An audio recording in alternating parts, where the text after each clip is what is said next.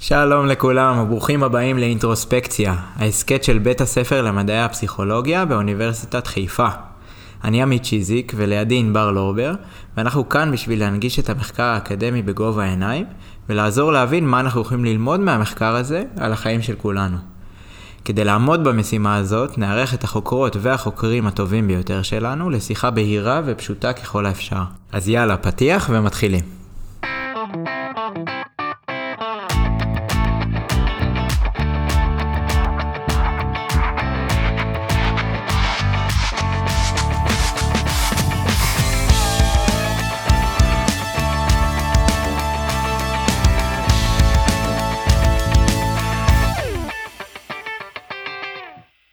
בתקופה האחרונה אנחנו עוברים המון שינויים בחיים. למי שיקשיב לפרק בעוד כמה שנים כשכל זה יהיה מאחורינו, טפו טפו טפו, או למי שעדיין לא יתחבר ככה למה שקורה מסביב, אז הפרק מוקלט בתקופת הקורונה, ואנחנו לא יודעים מה יקרה בעתיד, אבל אין ספק שלפחות בנקודת זמן הזאת שאנחנו נמצאים בה עכשיו, אז הדברים נראים לגמרי אחרת ממה שהתרגלנו.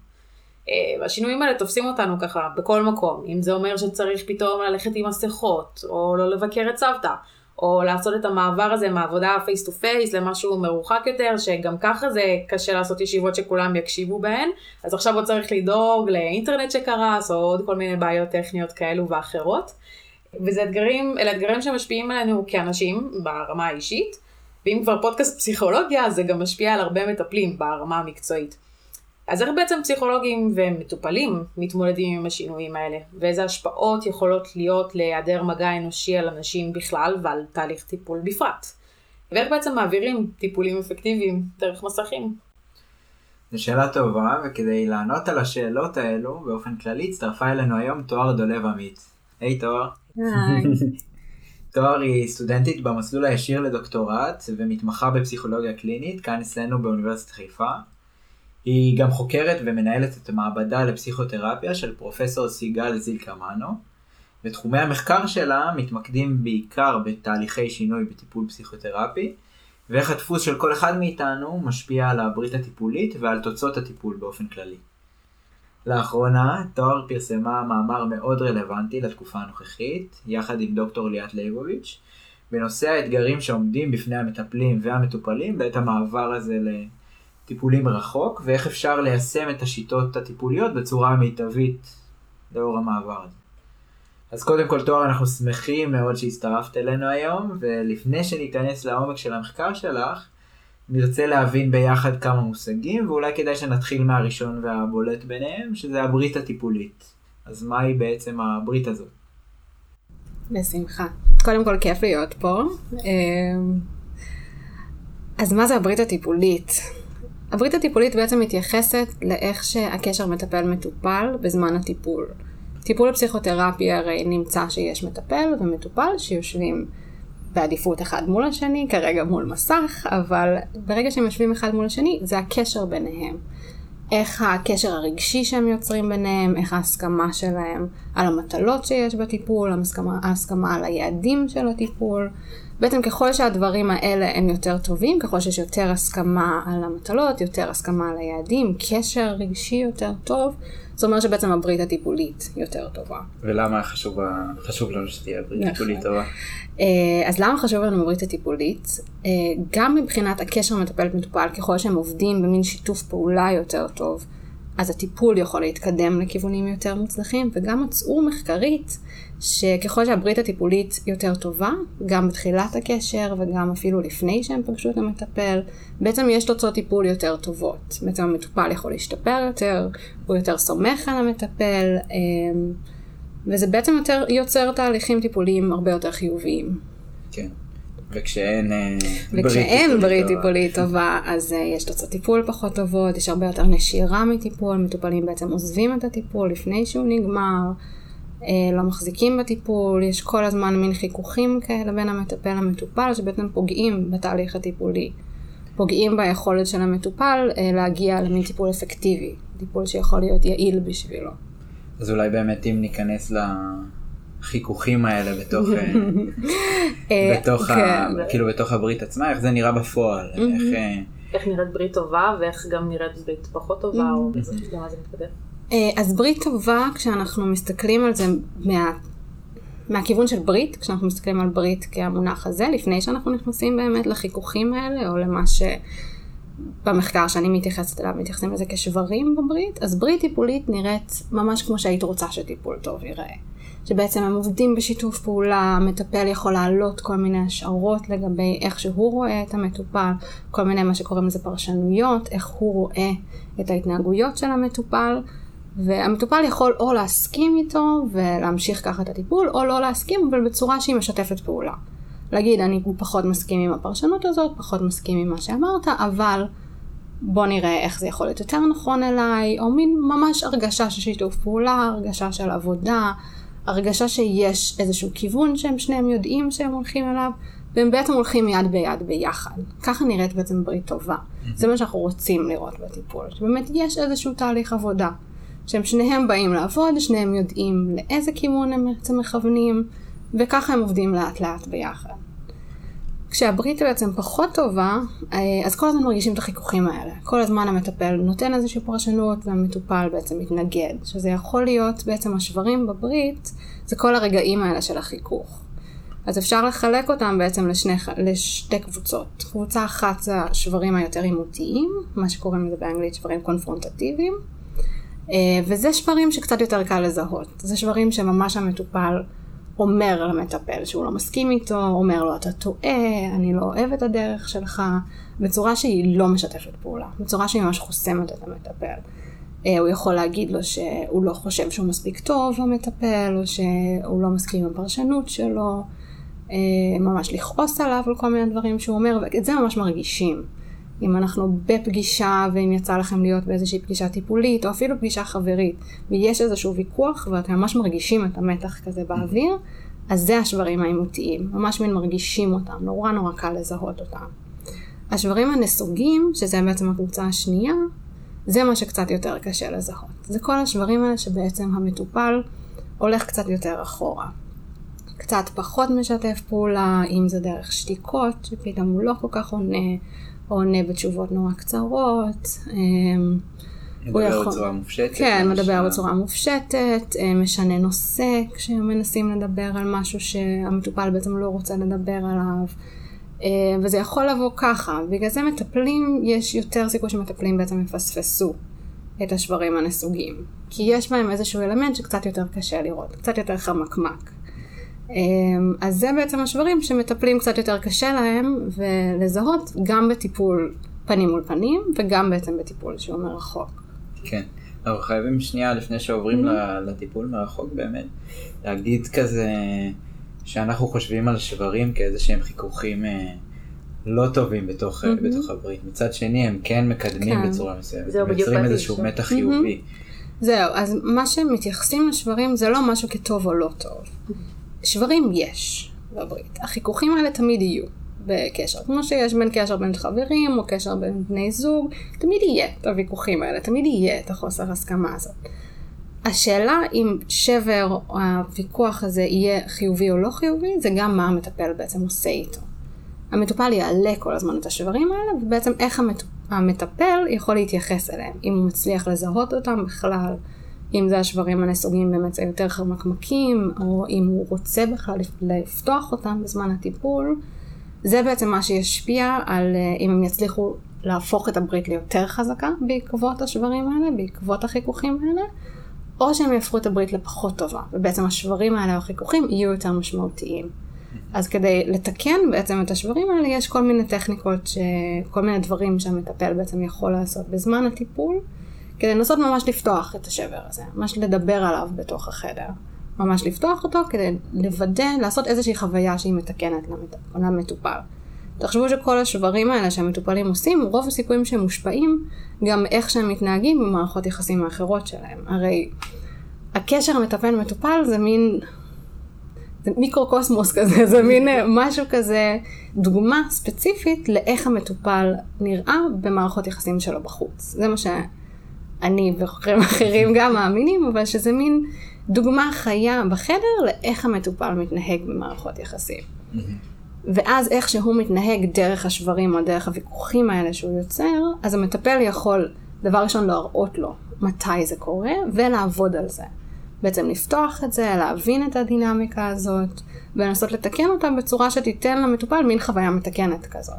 שהמטפל בעצם מגיב לא כמו ששאר הסביבה מגיבה. הוא מגיב בעצם בצורה שהיא יותר אדפטיבית, שהיא יותר מותאמת בעצם למטופל. אה, וזה מה שבעצם גורם להם להיות מין חוויה מתקנת לשברים. אז השברים יכולים להיות רעים רק אם הם בעצם לא מתוקנים בתוך הטיפול. כן. אם הם מתוקנים אז זה יכול להיות גם מין חוויה שאפילו תרים את הטיפול יותר גבוה מאשר אם הוא יהיה כזה שטוח ולא יהיו בכלל את השברים האלה. יש, אה, אפשר להגיד שבמקום מסוים עימותים הם איזשהו מקום שדווקא אפילו יכול להעיד על איזשהו חוזק של הברית הטיפולית? זאת אומרת, אם מטופל יכול לבוא ולהגיד אה, למטפל שלו, שמע, לא מתאים לי. או אני לא מסכים, או כל מיני דברים. כאלה, אז זה יכול באמת, אה, זאת אומרת, זה יכול כן. להיות איזשהו. שבר, אני אומרת במרכאות רע, כן. אבל אה, משהו שמעיד על אולי לא סומך או משהו כזה, וזה גם יכול בדיוק לכיוון ההפוך, מהמם. להגיד אני דווקא סומך עליך מספיק כדי להגיד לך. נכון, נכון מאוד. אז מטופלים נגיד שמגיעים לטיפול עם שברים לפ- לפעמים, זה נגיד דוגמה אחת, מטופל שמגיע לטיפול עם שברים שהם יותר נסוגים, שהם יותר הולכים אחורה, בעצם לא אומרים למטפל בפנים את מה שהם רוצים להגיד, ובעצם בתוך התהליך הטיפולי מפתחים את הקול הפנימי של המטופל, והוא יכול באיזשהו שלב לעבור לאיזה שהם שברים שהם יותר עימותיים, זה משהו שיכול להיות באמת חיובי בטיפול. גם שם אחרי זה צריך לעדן את השברים העימותיים כדי ליצור איזשהו עמק שווה של תקשורת שהיא אדפטיבית, אבל כן, המעבר הזה בין שברים לסוגים לעימותיים יכול להיות משהו חיובי. זה משהו שלא נבדק מספיק, אז אני אומרת את זה בזהירות, אבל uh, אני חושבת שלמטופלים ספציפיים זה יכול להיות מין חוויה שהיא מאוד חיובית. אמרת שהשברים באמת אה, יהיו מתוקנים ויעברו איזושהי חוויה בתוך האינטראקציה, רק אם המטפל בעצם ישים לב אליהם. עכשיו, אם אנחנו מדברים ועוברים במעבר חד לתקופה שאנחנו נמצאים בה, באמת אה, אולי המטופלים היותר נמנעים, שמייצרים שתיקה פתאום, אני בטוח שחלקנו חווינו את זה בזום, שפתאום יש שתיקה ואף אחד לא יודע, או שאתם נמצאים על מיוט ולא בטוח, רגע, זה שבר, זה לא שבר, זה, הוא נסוג אה, כלפי אחורה. אה, זה איזה משהו שאולי קשה לשים לב אליו בהתחלה, כי אנחנו לא רגילים לזה. אה, ואנחנו צריכים אה, לפתח את המיומנויות הקשורות לטיפול מרחוק. אה, וזה בעצם המאמר שכתבת ביחד עם ליאת. כן. אה, אז לפני שנראה לי נעבור אליו, תספרי לנו כזה בקטנה על איך, כאילו איך זה לעבור, אה, לטפל מרחוק, בחוויה שלך. אה, אז אני אספר קצת על המעבדה, אם אה, כן, זה בסדר. ברור. אה, אז נתחיל קצת במעבדה. אני באמת מנהלת את המעבדה לפסיכותרפיה באוניברסיטת חיפה, של פרופסור סיגל זיל חמנו. המעבדה שלנו נותנת טיפול דינמי קצר מועד, בעצם 16 פגישות, למטופלים עם דיכאון. אז בעצם מטופלים עד עכשיו הגיעו פיזית למעבדה שלנו באוניברסיטת חיפה, עברו כל מיני תהליך של, uh, של בדיקת התאמה בעצם לטיפול, כמה מפגשים עם, uh, עם איזשהו גורם מהמחקר, אצלנו קוראים לזה case manager, אבל איזשהו עוזר מחקר שבעצם זה התפקיד שלו, לבדוק את ההתאמה של המטופלים לטיפול. אה, וברגע שאנחנו רואים שהמטופל מתאים, הוא בעצם מקבל טיפול חינם עם מטפלים אה, במעבדה אצלנו. אה, מטפלים שהם מוסמכים או קרובים להיות מוסמכים. אה, שזה בעצם אומר שהם עברו את כל התהליך של אה, תואר שני, של ההתמחות, אה, שזה מין תהליך די ארוך בפסיכולוגיה קלינית. אה, ואז הם מקבלים את ה-16 פגישות שלנו בחינם. אה, אז עד עכשיו זה היה פיזית במעבדה, ומה שאנחנו בעצם היינו צריכים לעשות עכשיו עם, אה, עם כל המעבר הזה לטיפול מרחוק, בעצם אנחנו ניסינו לא לחכות. אצלנו בעצם לא חיכינו עד שיהיה ממש את הסגר, אנחנו עברנו לטיפול מרחוק אה, לדעתי שבוע לפני. אה, אז המעבר בעצם, אנחנו ניסינו לעשות אותו כמה שיותר הדרגתי. אז אנחנו אמרנו, אנחנו עדיין לא יודעים מה הדרך הכי נכונה לטפל במחקר מרחוק. אנשים לא כל כך ידעו מה הדרך הנכונה באופן כללי לטפל מרחוק. איזה תוכנה להשתמש, איך מקליטים, איך עושים, בעצם כל הטיפולים שלנו הם גם מוקלטים. אז לקחנו לנו שבוע, אמרנו אנחנו ניקח שבוע, לא יהיה טיפולים, אנחנו עבדנו עם, עם המחשוב של אוניברסיטת חיפה, למצוא בעצם את הדרך הכי טובה להעביר את הטיפול למרחוק, את הדרך הכי מאובטחת. ואז בעצם היה את מעבר של צריך להעביר את כל המטופלים עכשיו לטיפול מרחוק, צריך להכין אותם לטיפול מרחוק, אם זה הכנה טכנית של איך נכנסים אה, לתוכנה שאנחנו משתמשים בה בגוגל מיט, איך בעצם מלמדים אותם להיכנס, שזה תהליך ש... שצריך להיות ביחד, זה משהו שאנחנו מאמינים גם שצריך להיות בשטח, בפרקטיקה, שמטפלים ממש יעבדו עם המטופלים.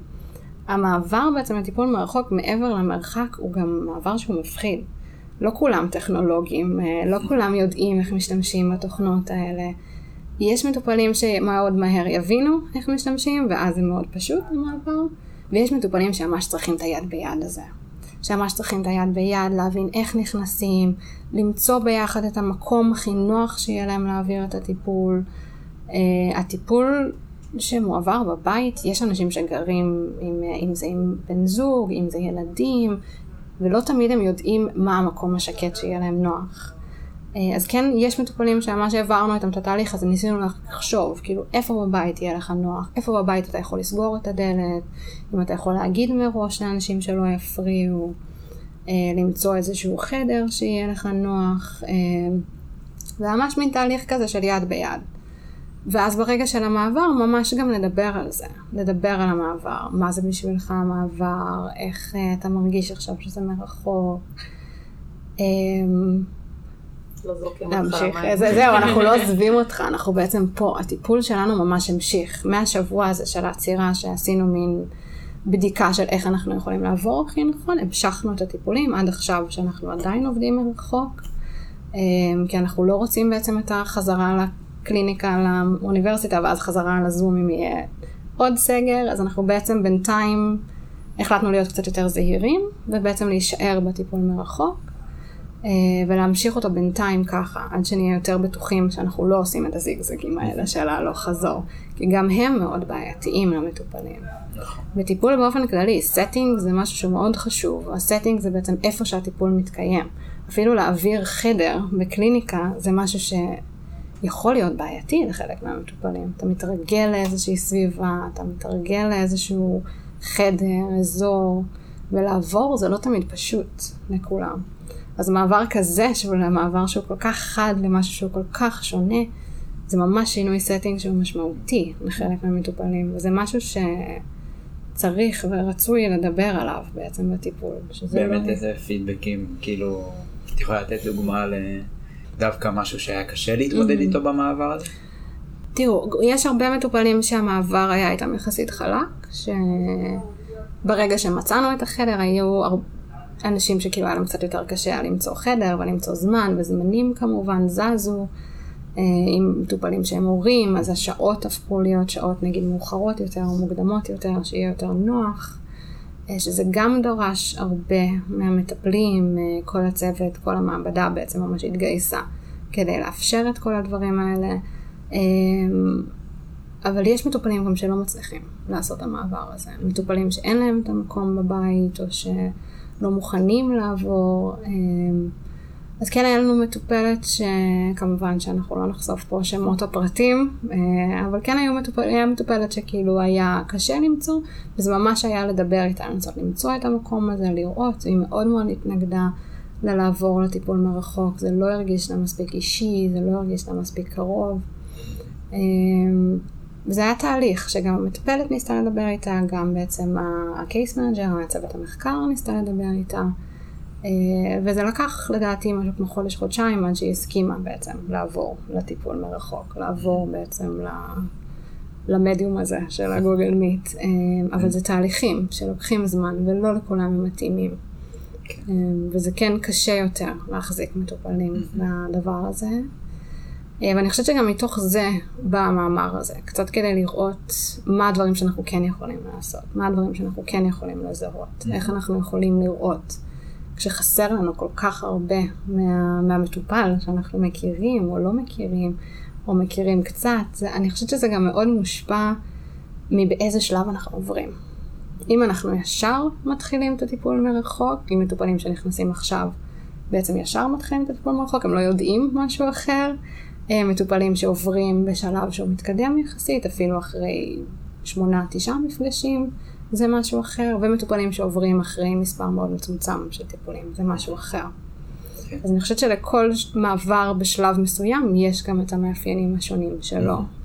אז אם באמת אה, נצלול למאמר עצמו, הוא כזה לקח אה, את המעבר הזה. והסתכל עליו אה, קצת לתוך הקישקע. בחן, אה, בחן אה, מה, איך אנחנו צריכים להתאים את עצמנו למעבר הזה. אנחנו יכולים ליישם את השיטות טיפול בצורה הכי טובה אה, דרך המחשב וגם לזהות את השברים האלה בברית הטיפולית אה, שדיברנו עליהם קודם. כן, אז המ- המאמר הזה, אני אגיד, ממש נכתב מתוך איזשהו צורך שאנחנו ראינו. דוקטור ליאת ליבוביץ' ואני ממש דיברנו על זה שיודעים קצת על טיפול מרחוק. הקורונה לא הביאה בפעם הראשונה את הטיפול מרחוק, זה אנחנו צריכים לזכור. היה טיפול מרחוק לפני הקורונה ויהיה טיפול מרחוק אחרי הקורונה. אם מטופלים עוזבים לעיר יותר רחוקה, בארצות הברית זה ממש לסטייט אחר, אז אנשים מקיימים טיפולים מרחוק. אה, אם מטופלים עוברים גם לארץ אחרת, המדריכה שלי יש לה מטופלת שגרה בארץ, אז או יש את הטיפולים האלה מרחוק.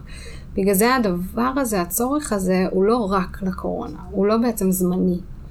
אה, הוא מאוד משמעותי לקורונה, כי פה היה איזשהו מעבר מאוד מאוד חד, ובעצם לא הכינו את המטפלים אה, למדיום הזה, כשהם לא הכירו, לא הכינו אותם לטיפול מרחוק, הם לא ידעו רובם איך מטפלים מרחוק. הם לא ידעו מה לזהות, הם לא ידעו איך לראות, הם לא ידעו מה, מה יהיה חסר להם. אה, אז אני חושבת שפה זה נכתב גם בשביל הקורונה וגם בשביל העתיד שיצטרכו. אה, אבל זיהוי שברים, אם דיברנו על זה קודם, אה, יהיה קצת אחר בטיפולים מרחוק. כשאני אומרת טיפולים מרחוק זה גם טיפולים, אם זה Skype, Zoom, Google Meet, וגם טיפולים טלפונים, אם יש, לאנשים בעצם אין את ה... אין מחשב או אין יכולת לעשות uh, טיפולים כאלה, אז יש גם טיפולים כמובן טלפונים. Um, ובכל טיפול בעצם חסר לנו משהו מהמטופל. אז בעצם בטיפול שיש לנו את הוידאו, אבל אין לנו uh, בעצם את הפיזיות שלו, אז יהיה חסר לנו דברים אחרים. ואני חושבת שפה אנחנו מסתכלים על איך אנחנו בכל זאת יכולים לזהות את השברים, גם בסיטואציות האלה. אז אם אנחנו מסתכלים פה, אז פה חסר לנו נגיד את המטופל, אז אנחנו נגיד רואים את העיניים שלו, אנחנו רואים את המבט שלו, אבל אנחנו לא תמיד בטוחים על מה הוא מסתכל. אה, אז אם הוא מול מחשב ואנחנו פתאום רואים נגיד את העיניים שלו מרצדות, אז אנחנו יכולים לראות שאולי הוא לא איתנו. אה, שפת אנחנו- גוף חסרה לנו שפת גוף קצת, מאוד כן. חסרה לנו בכל המדיומים של הטיפול מרחוק. אם זה טלפוני אז חסר לנו באופן כללי, כל הגוף בעצם, כל ה- איך הוא נראה. אז יותר לשים לב לכל מיני ניואנסים אחרים, אם זה שתיקות שהן מאוד משמעותיות בטיפול הזה, גם טלפוני וגם טיפול עם וידאו. אה, שתיקות נהיות יותר משמעותיות כשהטיפול הוא מרחוק. כשאין לך את החוויה בחדר, אז פתאום השתיקות נהיות הרבה יותר עוצמתיות. אמ, אבל גם לשים לב לכל השינויי נושא, אם אנחנו לא בטוחים אם יש למטופל חדר שהוא מספיק שקט או מספיק לבד, אז השינויי נושא פתאום נהיים משהו משמעותי. בעצם למה הוא לא מדבר על הדבר הזה ששאלתי אותו? למה הוא מעביר נושא פתאום? אה, אם אנחנו מסתכלים אפילו על, על הקול שלו, אם פתאום הקול שלו משתנה, פתאום הקול שלו עולה או יורד, פתאום הוא מדבר יותר מהר או יותר לאט. זה הכל מיני דברים שאנחנו יכולים לשים לב אליהם, שאולי פתאום נהיים קצת יותר משמעותיים כשזה מרחוק. אם יכולנו לפצות על זה שאם לא שמתי לב שהוא מדבר יותר מהר ויותר לאט, באיך שאני רואה אותו ובאיך שהשפת גוף שלו, אה, אז פה אין לי את השפת גוף, אז אני צריכה לשים לב לדברים האלה, אני מאוד צריכה לשים לב למבט שלו, לדיבור שלו, אה, לכל מיני דברים כאלה שאולי פעם הייתי שמה להם פחות לב, ופה הם מאוד מאוד משמעותיים. כן, כאילו מנ- מנטרלים אה, כן. מעין כל מהמם. מיני אה, רעשי רקע שאנחנו מדברים עליהם בטיפול פנים מול פנים. אבל זה, כאילו, זה הדברים שמבחינת המטפלים, שמסתכלים אה, מהנקודת כן. מבט. אני חושב גם על הנקודת מבט של המטופלים. שדווקא זה יש כאילו עוד יתרונות בזה שאני בא ואני מגיע מול מחשב. עכשיו, לא לכולם כמובן. אה, אבל זה נותן איזשהו ריחוק מסוים. אני לפחות בשיעורים, יכלתי להתכונן לפני. אה, יכלתי לרשום לי בצד אה, דברים שאני אוכל אה, להיעזר בהם בהמשך. אה, הריחוק הזה מאפשר אולי לאנשים שהם קצת יותר חרדים להיפתח בצורה יותר טובה. וזה איזשהו צד אחר של המטבע שאנחנו כן. גם יכולים להסתכל עליו. אני חושבת שהריחוק הזה יכול באמת לעשות את זה. יש אנשים שפתאום דווקא הריחוק הזה, המעבר הזה, פתאום פותח כל מיני נושאים שהם לא דיברו עליהם פעם. אה, פתאום נותן להם את האפשרות לדבר על דברים שהיו להם קשים לדבר, כשיש מישהו שיושב מולם שמסתכל עליהם. אבל יש אנשים שגם השתמשו בריחוק הזה, ב... לא לשבת אחד מול השני, כדי להתרחק עוד יותר. אנשים שהם נסוגים יכלו לסגת עוד יותר, בעצם בכלל לא לנסות לדבר על הדברים האלה, כי זה קל יותר להתרחק כשאנחנו לא קרובים. אה, אבל אני חושבת שגם בשברים העימותיים, אנשים שכעסו על המעבר, יכלו מאוד להגיד אותו. היה משהו במעבר הזה שגרם להכל להיות קצת יותר עוצמתי. אם זה להיות יותר, אם זה עימותי, אז להיות יותר עימותי, אם זה נסוג, להיות יותר נסוג. אה, תמיד אנחנו מדברים, גם בפסיכותרפיה וגם לדעתי באופן כללי, על דברים אינדיבידואליים. לכל בן אדם זה ישפיע עליו קצת אחרת. אה, אז יש אנשים שזה יהיה חיובי, ויש אנשים שזה בעצם יהיה אפילו יותר קשה, או יותר עוצמתי. אה, גם אם זה המצב באופן כללי עם הקורונה, שיש מאוד, הרבה אנשים שזה מאוד השפיע עליהם, אז הם גם מביאים את זה מאוד בטיפול, אם אמרנו שהטיפול הוא כמו קשר ספציפי, אז אם אתה מביא את החרדה שלך, אתה גם מביא אותה בעצם לחדר, ואז השברים נהיים עוד יותר עוצמתיים. אז זה יכול להיות ככה וזה יכול להיות ככה. כן, אז זה כן, זה מאוד אינדיבידואלי, זה קצת המחקר בפסיכותרפיה, מאוד אינדיבידואלי. כן, זה, זה טוב, כי זה באמת, במחשבה שלנו, גם לפני ש, שפגשנו אותך, דבר, דיברנו על זה שזה לא, לא טוב או רע. אה, זה לא איזשהו משהו בינארי שאפשר כן. להתייחס אליו כהטיפול הזה אה, גורם לחוסר במגע אנושי ואנחנו לא יכולים להתמודד בלי זה. אה, זה מאוד אינדיבידואלי ותלוי מצב וגם תלוי הסתגלות במובן מסוים. אה, אנחנו. אם אנחנו מסתכלים אפילו קדימה, זה איזשהו משהו שיכול להיות בעתיד, זה כמשהו פוטנציאלי שישתמשו בו לא בטיפולים מהמם. פסיכולוגיים, אלא בכל דבר אחר. הנה, אנחנו רואים אה, מאמני כושר הולכים כן. ועושים, אה, משתדלים לעשות אימונים אישיים ולייצר איזושהי מהמם. אווירה של מתח שהם זקוקים לה בתור, באינטראקציה פרונטלית, אבל הם צריכים להתאים את עצמם מהמם. או לעולם משתנה או למציאות כן. משתנה. וההתאמה הזאת היא לא בהכרח משהו רע. זאת אומרת, זה לא כן. שאנחנו באים. עכשיו אה, ואומרים, נניח על הטיפולים, אז אנחנו לא אומרים, אה, טיפול face to face הוא בהכרח עדיף על טיפולים... לא. אה, לא, לא. אני חושבת שזה זה היה הפחד של הרבה מטפלים שפחות הכירו את הטיפול מרחוק, שהם חשבו שזה טיפול פחות אפקטיבי, שלא מצליחים ליצור שם את הברית הטיפולית שדיברנו עליה קודם. אה, אי אפשר ליצור את החיבור הזה, ואני חושבת שגם אנחנו במעבדה רואים, וגם מחקרי העבר ראו, שזה לא ממש ככה. שטיפולים יכולים להיות מאוד מאוד אפקטיביים, טיפולים מרחוק, ואתה יכול ליצור ברית מאוד טובה עם מטופלים מרחוק. אני חושבת שמה שהמאמר הזה בא לשים דגש, זה ממש לראות איפה המקומות האלה שאנחנו יכולים בטעות ליפול בהם כמטפלים, מה הדברים שכדאי שנשים לב אליהם, ואיך אנחנו יכולים בעצם להפוך את הטיפול הזה ליותר אפקטיבי. ממש לזהות את הנקודות האלה אה, ולפתור אותם, לתקן אותם בעצם. אה, אבל כן, זה לא טיפול פחות אפקטיבי, הטיפול מרחוק, אה, זה לא קשר פחות חזק. זה טיפול, כמו שכל טיפול. פשוט קצת שונה. אבל הטיפול נשאר אותו טיפול מבחינתנו. ואני חושבת שגם מבחינת המטופלים, אחרי שעוברים בצורה יותר טובה את המעבר הזה, מכינים אותם, מדברים על המעבר, גם אחרי זה מדברים על הקושי והדברים החיוביים שהמטופלים חווים במעבר הזה. אה, אז אפשר לעשות את המעבר הזה בצורה טובה, אפשר לעשות אותו בצורה אפקטיבית. אה, זה לא חייב להיות דבר רע. כן, זה מעין כמו טיפול מחוץ לטיפול. כזה כמו לדבר על אה, מטלה מסוימת ולעשות negotiation עליו, אה, לשמוע את הקשיים, אה, כן. להתגמש עליהם. מהמם. אמרנו מקודם שבאמת זה איזשהו אתגר בשביל אה, מטפלים למשל, שהם לא...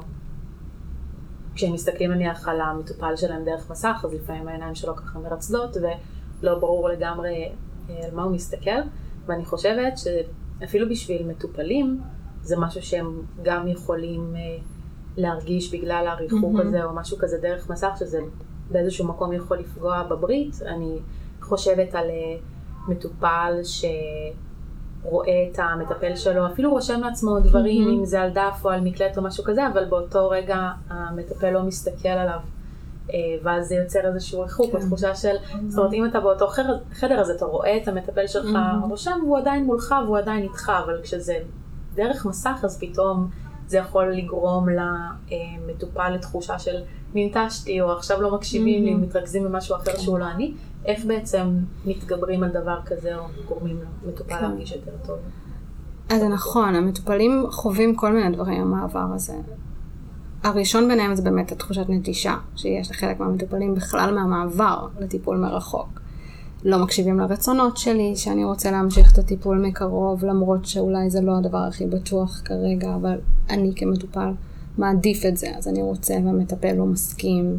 אם זה באמת התחושה הזאת שלפעמים המטפל אה, קצת מזיז את המבט, או קצת מסתכל, כי גם כשאנחנו יושבים פנים מול פנים, אנחנו לא תמיד מסתכלים אחד על השני בעיניים, פשוט הכל מאוד מועצם.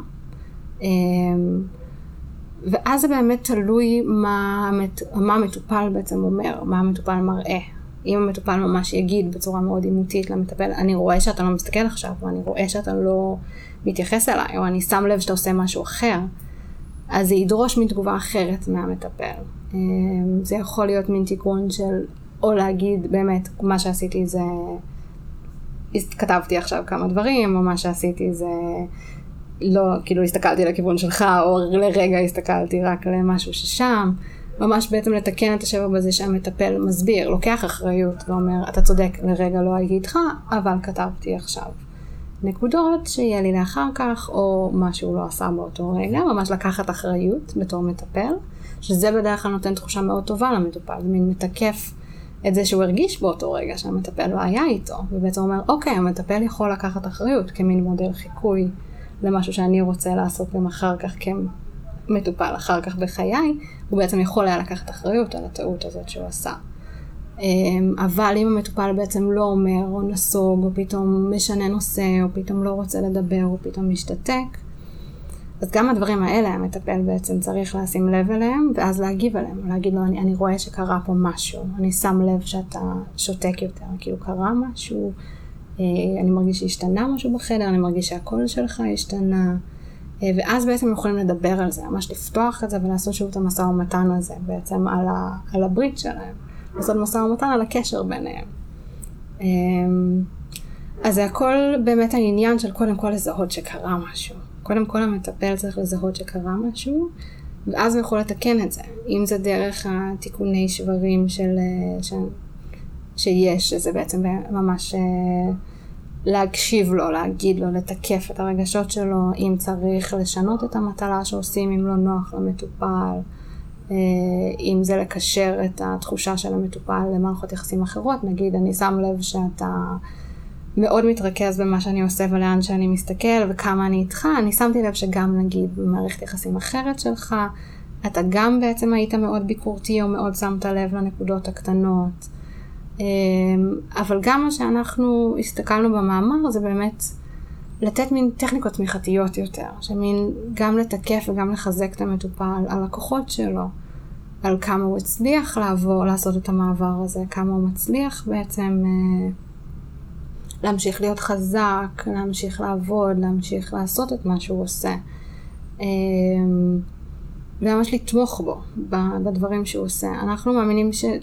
טכניקות תמיכתיות זה לא חייב להיות משהו שבא עם פרשנויות או עם טיפול אחר, זה ממש עומד בפני עצמו, הטכניקות האלה.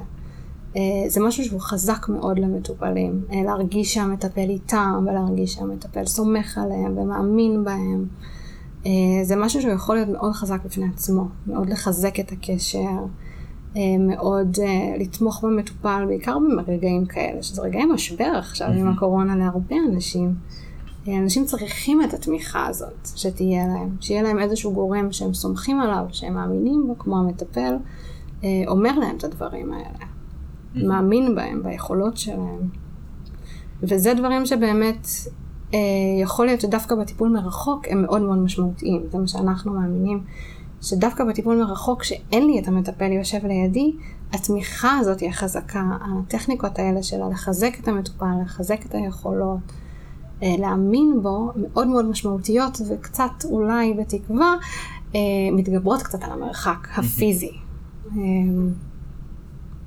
כן, מקווה שזה עונה, כן. לא, ממש. יש לי מיליון דברים שאני חושבת על הדבר הזה. מנסה עכשיו מה אנחנו יכולים ללמוד מזה על תקשורת, באופן כללי של אנשים מרחוק. ואולי כל העניין הזה של חיזוקים ותמיכה זה משהו שבאופן כללי מאוד מאוד רלוונטי, גם בתוך טיפול וגם מחוץ לטיפול. בעניין של תמיכה הוא רלוונטי, גם מקרוב וגם מרחוק. כאילו כשאת אומרת את זה אני חושב על, ה... על זה שהמטפל במובן מסוים לא מתכחש לחוויה של המטופל. אמ, שזה הדבר הכי חזק שעומד לפחות לנגד, ה... כאילו שאני שומע את מה שאת אומרת. וזה איזשהו משהו שאומר, אני מבין את מה שאתה מרגיש וזה לגיטימי להרגיש את מה שאתה מרגיש. אמ, וגם בנקודות החולשה וגם בנקודות החוזקה. כן. אמ, שזה נכון, כמו שאת אמרת, לכל קשר שהוא גם אה, מחוץ לטיפול פסיכולוגי. כן. אני חושבת שלא סתם אמרתי שהקשר הטיפולי זה מין דוגמה למערכת יחסים שקיימת. אה, אני חושבת שזה מאוד מאוד יעזור, גם בדברים אחרים, גם אה, בדברים של עבודה, אם הם רוצים לשים לב, אם עובדים באמת בשיחות כאלה של אחד על אחד. אני חושבת שזה גם דברים שמשמעותי לשים לב אליהם, אם זה קול, אם זה מבט, אם זה דברים כאלה. להסתכל על החוזקות, להיות מאוד תמיכתיים. אה, כשאני אומרת להיות מאוד תמיכתיים, זה לא להיות תמיכתי סתם. זה לא סתם להגיד. זה כאילו להגיד את זה ממין מקום שאתה מצליח בתור מטפל או בתור אדם, ממש להתחבר. למצוא את הנקודות האלה שאתה רואה את החוזק של המטופל ואתה רוצה שהוא גם יראה אותו. אתה מרגיש שאתה רואה איזשהו חוזק שהמטופל לא רואה לפעמים בעצמו. אה, וזה צריך לבוא ממקום אמיתי, זה צריך לבוא מאיזשהו קשר, זה לא משהו שיכול לבוא, שאני פשוט אומרת כי צריך להגיד איזושהי כן. תמיכה. צריך שיהיה לך את החיבור הזה אליו, זה הרבה יותר, לא יודעת אם להגיד קל, אבל זה הרבה יותר אמיתי, אותנטי, גם למטופל. מטופלים הרי ישימו לב אם אנחנו סתם אומרים להם, אנחנו סומכים עליך, אנחנו מאמינים בך, ואין לזה איזשהו חיבור רגשי, גם למטופל וגם למטפל. אה, אז אנחנו צריכים לבוא מאיזשהו מקום כזה, של לראות את החוזקות של המטופל, לראות את המקומות ש... שאנחנו מאמינים בו, אבל גם לראות את המקומות שקשה לו, ולראות את זה ולשקף לו את זה, להראות לו את זה, להגיד אנחנו מבינים שקשה, אבל אנחנו רואים גם מה שאתה עושה. זה מעניין מה שאמרת על האותנטיות, כי אני אומרת, אם אנחנו מסתכלים עכשיו על מטפל ומטופל שלנו, מטפל מכיר את המטופל שלו, נפגש שניים ועושים את המעבר הזה לזום. אמ, ואנחנו רוצים שבאמת כל התמיכה והדברים האלה יהיו אותנטיים. מאיפה אנחנו מוצאים את האותנטיות הזאת לבוא ולהגיד לבן אדם, כל הכבוד, אתה חזק וזה, כשאנחנו עוד לא מכירים אותו. אז אני חושבת שעמדה סקרנית בשביל מטפל זו עמדה שהיא חשובה.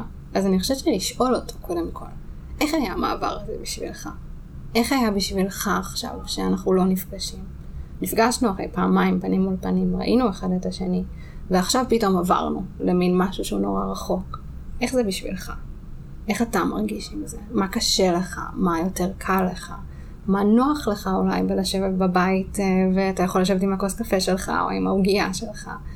ומה הדברים שיותר קשים? ואני חושבת שמתוך העמדה המין סקרנית הזאת, השואלת, המתעניינת, אתה יכול למצוא את הנקודות האלה.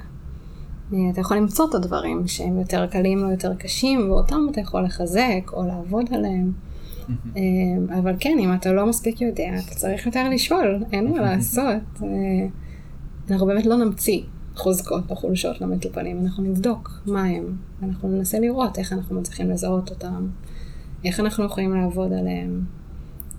יש מטופלים באמת שהמעבר הזה יהיה להם נוח ויהיה להם קל, ואז אולי זה יהיה משהו שיהיה פחות משמעותי, המעבר עצמו. אה, ויש מטופלים שזה יהיה ממש תהליך, שזה יהיה להם קשה, שהם יצטרכו את התמיכה, הם יצטרכו את העזרה.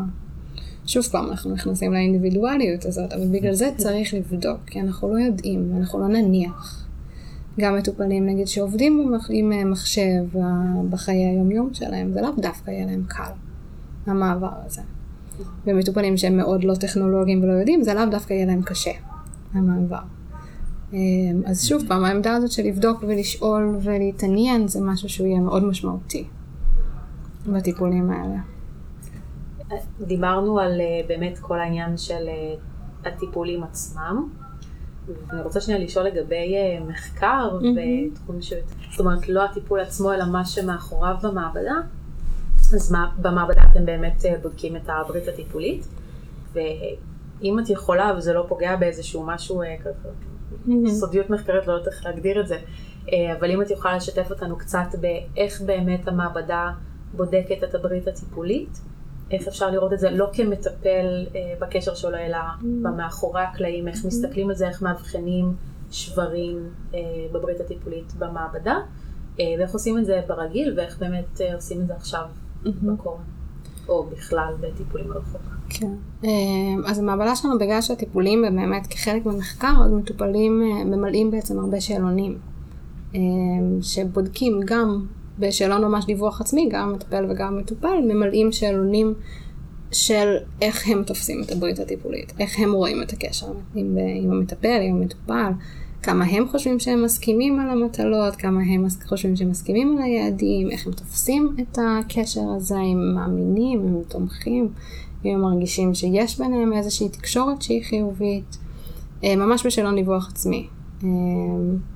אה, אז זה בעצם דרך אחת, יש לנו כמובן גם שאלונים אה, דיווח עצמי על דברים אחרים, יש לנו גם שאלון ממש על האם הם הרגישו שהיה פה איזשהו שבר, הם מרגישים שהיה איזשהו חוסר הסכמה, איזושהי...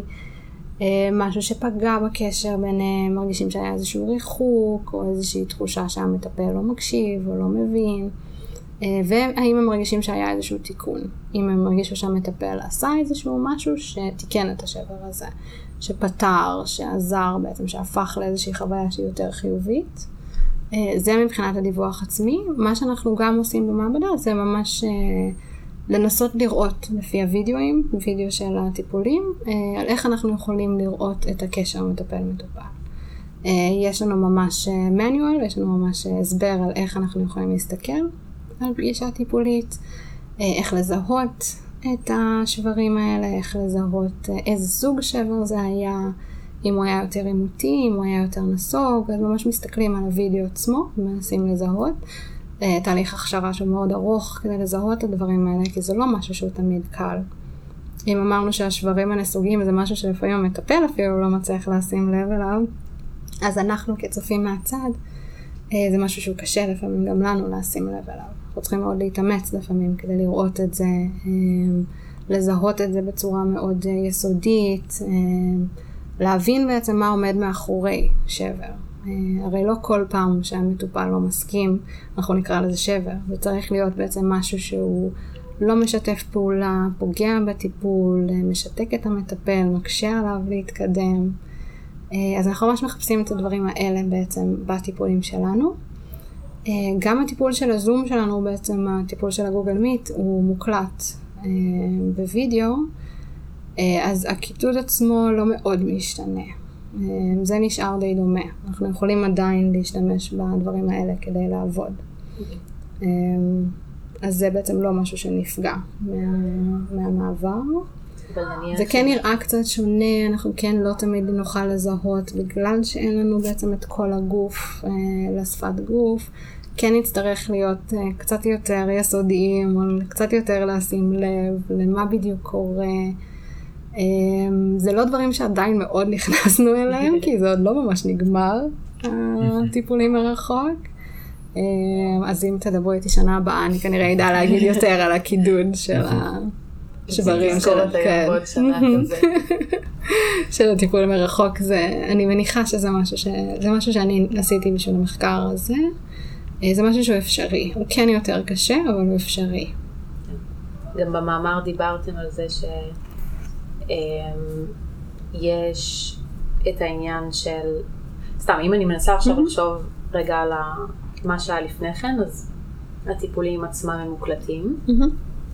ואפשר לראות שם דברים כמו תנועות גוף, או mm-hmm. לשמוע כל מיני שינויים בקול, דברים כאלה, ולנסות לנתח לפי זה. וחלק מהקשיים שדיברתם עליהם במאמר, זה למשל זה שיש נניח דיליים, mm-hmm. ואז אי אפשר לדעת mm-hmm. לגבי השתיקות או דברים mm-hmm. כאלה, אם זה באמת שתיקה או שזה דיליי, כן. או מה האורך של השתיקה, אה, או שהאיכות של הקול היא לא mm-hmm. כל כך טובה כמו בשיחה פנים אל פנים. מתגברים על דבר כזה, או איך אפשר לשים לב לדברים כאלה. כן, אני חושבת שבגלל זה גם במאמר ניסינו לראות אם יש אפשרות לעשות איזושהי הכנה לפני.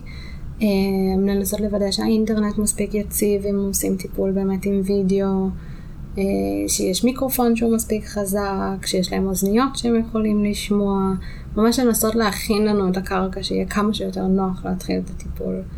אה, זה עולם קצת אידיאלי, שהכל יוכל להסתדר. כמובן שיהיו דברים כאלה, וגם אם האינטרנט יציב, כשבדקנו, יכול להיות שהוא לא יהיה יציב כל כך כשיתחיל הטיפול, או שניתקל בכל מיני קשיים. אה, אז אני חושבת שזה קודם כל להיות מודעים לזה שזה משהו שיכול לקרות, משהו שצריך לשים לב אליו, אה, ומשהו שגם אפשר לשאול עליו.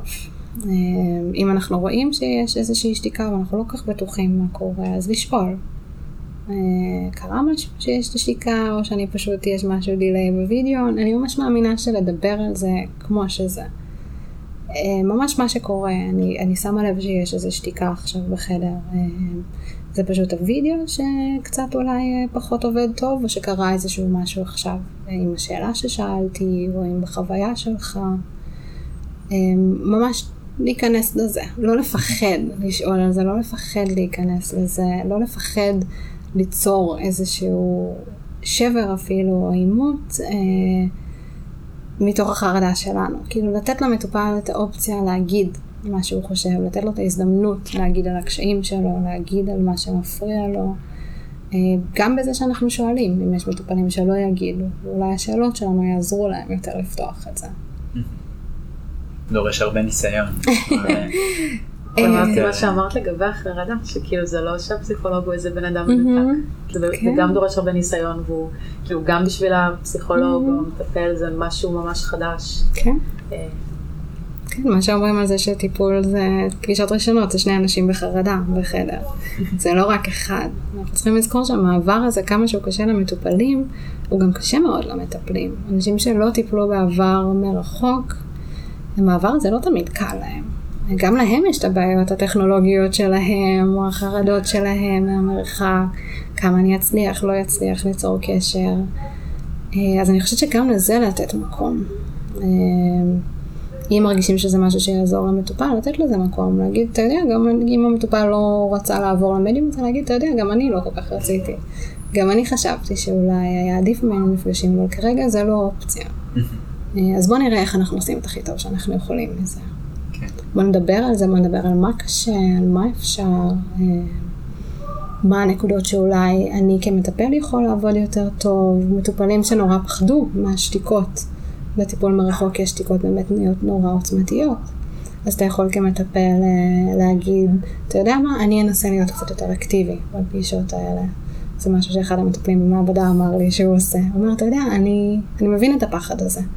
של, אה, של השתיקות האלה בטיפול מרחוק, אז אני אנסה להיות יותר אקטיבי. ותגיד לי אם אתה מרגיש שקשה לך, או שיש יותר מדי שתיקות, ואני אנסה להיות יותר שם. פחות שותק, כמו שאולי בחדר היה יותר נוח לעשות. ממש מעניין. ממש, אני יכולה לשבת פה כל היום. אבל אה, נגיד תודה. תודה רבה.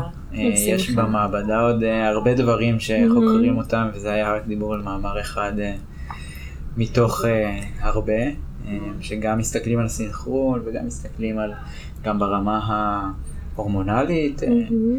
גם על האקוסטיקה הספציפית. כן. ואולי נדבר עוד שנה, נראה מה יהיה באמת, אז תודה. יש עוד משהו שתרצי להוסיף לפני שנסיים? על המעבדה בכללי, או בעצמך? כן, אה, אני חושבת שזו מעבדה ש... שעובדת מדהים כמעבדה. אני חושבת שגם המעבר הזה היה מין שיתוף פעולה בין כל הדוקטורנטים, בין סיגל. אה, זו מעבדה ש... שיודעת לעבוד, אבל שגם עובדת ביחד, ולדעתי עובדת מאוד חכם. אה, אנחנו לא רצינו מהר מדי לעשות את המעבר, אנחנו רצינו לדעת למה אנחנו נכנסים, וככה אנחנו עובדים בעצם בכל הדברים שאנחנו עושים. אנחנו עובדים כדי באמת לנצל את הטיפול הכי טוב שאנחנו יכולים למטופלים שלנו, לתת להם את החוויה הכי טובה. אה, זה כן משהו שגם בקורונה וגם תמיד זה משהו שאנחנו מאמינים בו. מה שאנחנו עובדים קשה בשביל לקיים, אז אה, כן.